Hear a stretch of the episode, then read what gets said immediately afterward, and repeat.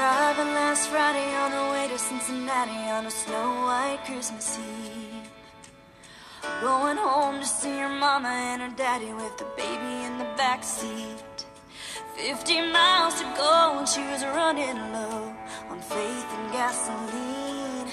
It'd been a long, hard year. She had a lot on her mind and she didn't pay attention. She was going way too fast.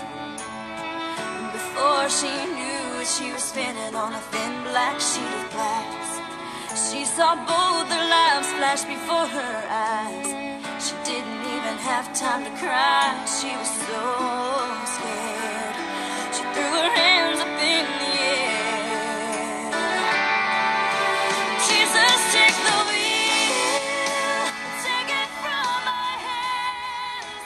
'Cause I can't do this all Selamat hari Minggu, Sobat Morgan Beaches di mana pun berada. Senang hari ini kita boleh memasuki minggu yang baru, di minggu yang ketiga di bulan September ini. Saudara yang kasih Tuhan, sebelum kita akan mendengar sabda firman-Nya, sekaligus juga merenungkannya, kembali kita bersama-sama merendahkan hati kita, kita mempersiapkan hati kita di dalam saat teduh, mari kita bersama-sama mengambil saat teduh.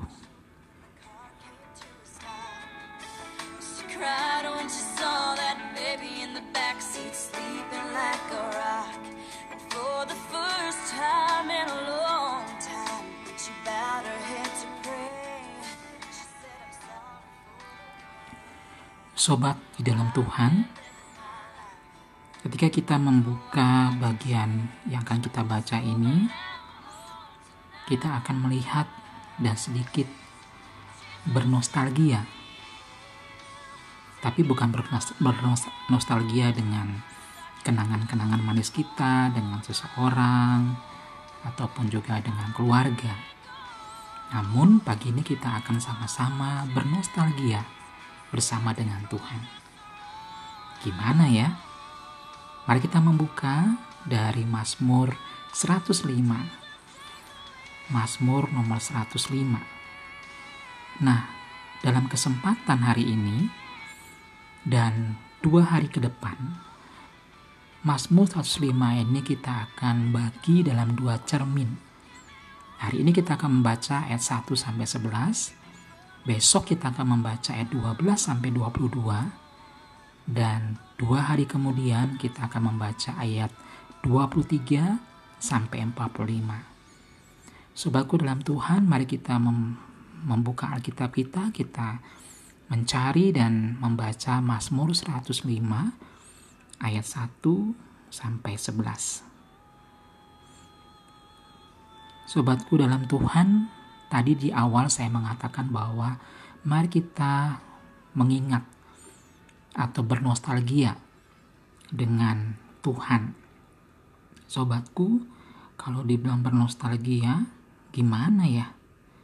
Rasanya kok aneh ya kalau misalnya kita dikatakan bernostalgia dengan Tuhan. Bagi pemazmur dan bagi orang percaya, seharusnya seharusnya bukanlah hal yang aneh, bukanlah hal yang mengganggu ketika kita kembali bernostalgia dengan Tuhan. Sobatku dalam Tuhan, dalam sebuah film yang berjudul The Innocence, seorang biarawa- biarawati berkata, Iman adalah 24 jam saya ragu dan satu menit saya berharap. Sungguh menarik ya kalimat ini. Iman adalah 24 jam saya meragukannya dan satu menit saya berharap. Sobatku apa yang terjadi bagi biarawati ini sehingga dia mengucapkan kalimat ini? Ucapan ini muncul di tengah-tengah pergumulannya, khususnya pergumulan imannya untuk memahami kasih setia Tuhan pada masa yang sulit. Bukanlah hal yang mudah meyakini akan kasih setia Tuhan di masa-masa yang sulit, apalagi bersyukur di tengah-tengah keadaan yang sulit.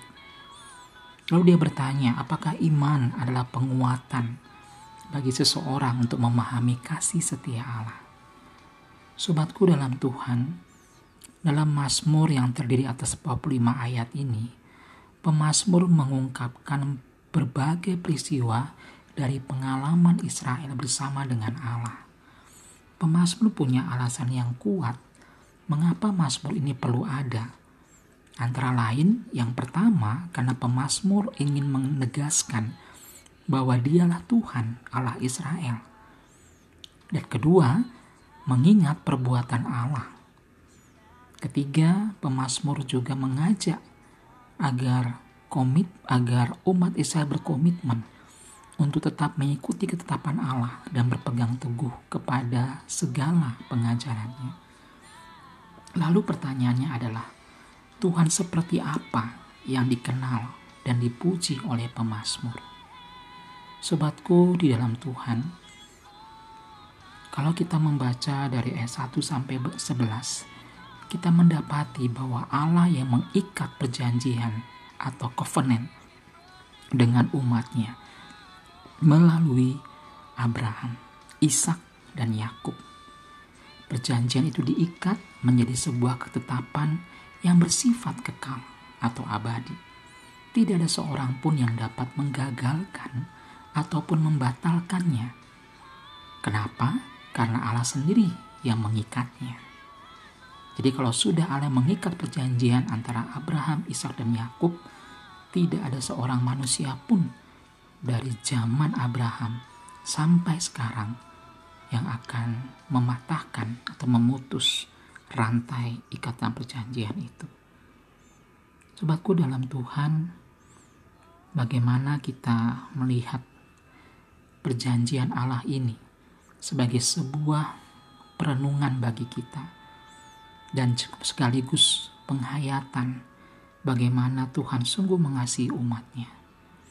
Jika di awal tadi saya mengatakan bahwa mari kita bersama-sama sedikit mengingat atau bernostalgia dengan Tuhan, maka kali ini kita diajarkan untuk senantiasa mengingat akan kasih setia Tuhan itu.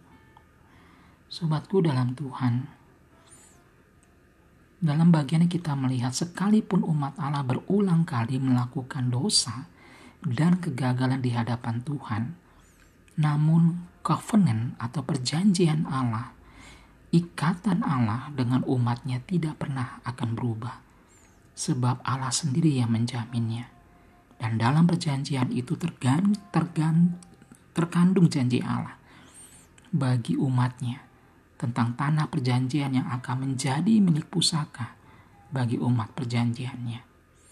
Sobatku dalam Tuhan, kebaikan dan kasih setia Allah terhadap perjanjiannya itu disaksikan oleh bangsa Israel dalam tradisi Taurat Nah, kalau kita melihat dalam bagian ini ada kata yang menarik yang pemazmur ingin ingatkan, yaitu bersyukur. Jika dilihat dari arti harafiahnya, kata bersyukur berarti sikap kedua tangan yang terangkat ke atas, yang diarahkan kepada Allah sebagai bentuk kekaguman dan sekaligus pengakuan serta penghormatan di depan umum. Sobatku sebagai orang percaya, kita telah masuk dalam perjanjian Allah melalui Kristus Yesus. Tetapi pertanyaannya adalah, apakah tiap hari kita senantiasa bersyukur kepada Tuhan? Bahkan di tengah-tengah kesulitan, di tengah-tengah kita mengalami berbagai pergumulan hebat, apakah kita tetap boleh menyatakan syukur kita kepada Tuhan?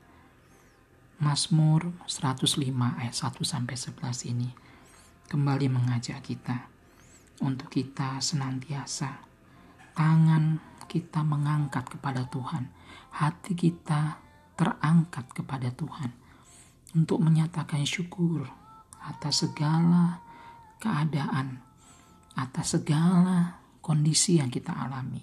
Meskipun itu sulit, tetaplah angkat hatimu pada Tuhan nyatakanlah syukur kepadanya. Ingatlah, tangan Tuhan selalu terbuka bagi setiap umatnya yang membutuhkan pertolongannya. Saudara, belajarlah untuk tetap bersabar di tengah-tengah kondisi sesulit ini. Carilah Tuhan, carilah kehendaknya melalui firman Tuhan yang kita baca setiap hari, melalui pergumulan-pergumulan doa kita. Carilah dia selama ia mau dijumpai. Marilah kita dengan rendah hati terus belajar melihat kesetiaan Allah yang tidak pernah pudar dalam hidup kita dengan terus menyatakan syukur kepada Tuhan melalui ibadah, melalui ruang-ruang doa keluarga kita, melalui pergumulan-pergumulan doa-doa kita. Mari kita menyatakan syukur kepada Tuhan. Dan ingatlah bahwa persoalanmu tidak sehebat dengan pergumulan Tuhan Yesus ketika dia harus menyerahkan hidupnya demi menebus dosa manusia. Pergumulanmu hanya bisa ditanggung ketika engkau datang kepada Tuhan dan meminta supaya Tuhan yang menanggungnya dan Tuhan juga yang melepaskan tanggungan itu daripadamu. Marilah kita bersama-sama menyatakan syukur kita kepada Tuhan, menyatakan kehendaknya melalui setiap kesaksian kita sebagai bagian syukur kita atas karya keselamatan yang sudah Tuhan nyatakan bagi kita. Selamat hari Minggu, nyatakanlah kasih setia Tuhan dalam segala syukur kita kepadanya dan jadilah pelaku-pelaku firman-Nya yang hidup. Selamat menikmati hari Minggu ini bersama dengan keluarga. Dan jangan lupa terus nyatakan kabar baik ini kepada setiap orang yang teman-teman jumpai di mana pun supaya mereka juga boleh melihat kesaksian kita ini dan memuliakan nama Tuhan di sorga. Terpujilah nama Tuhan, kekal sampai selama-lamanya. Amin.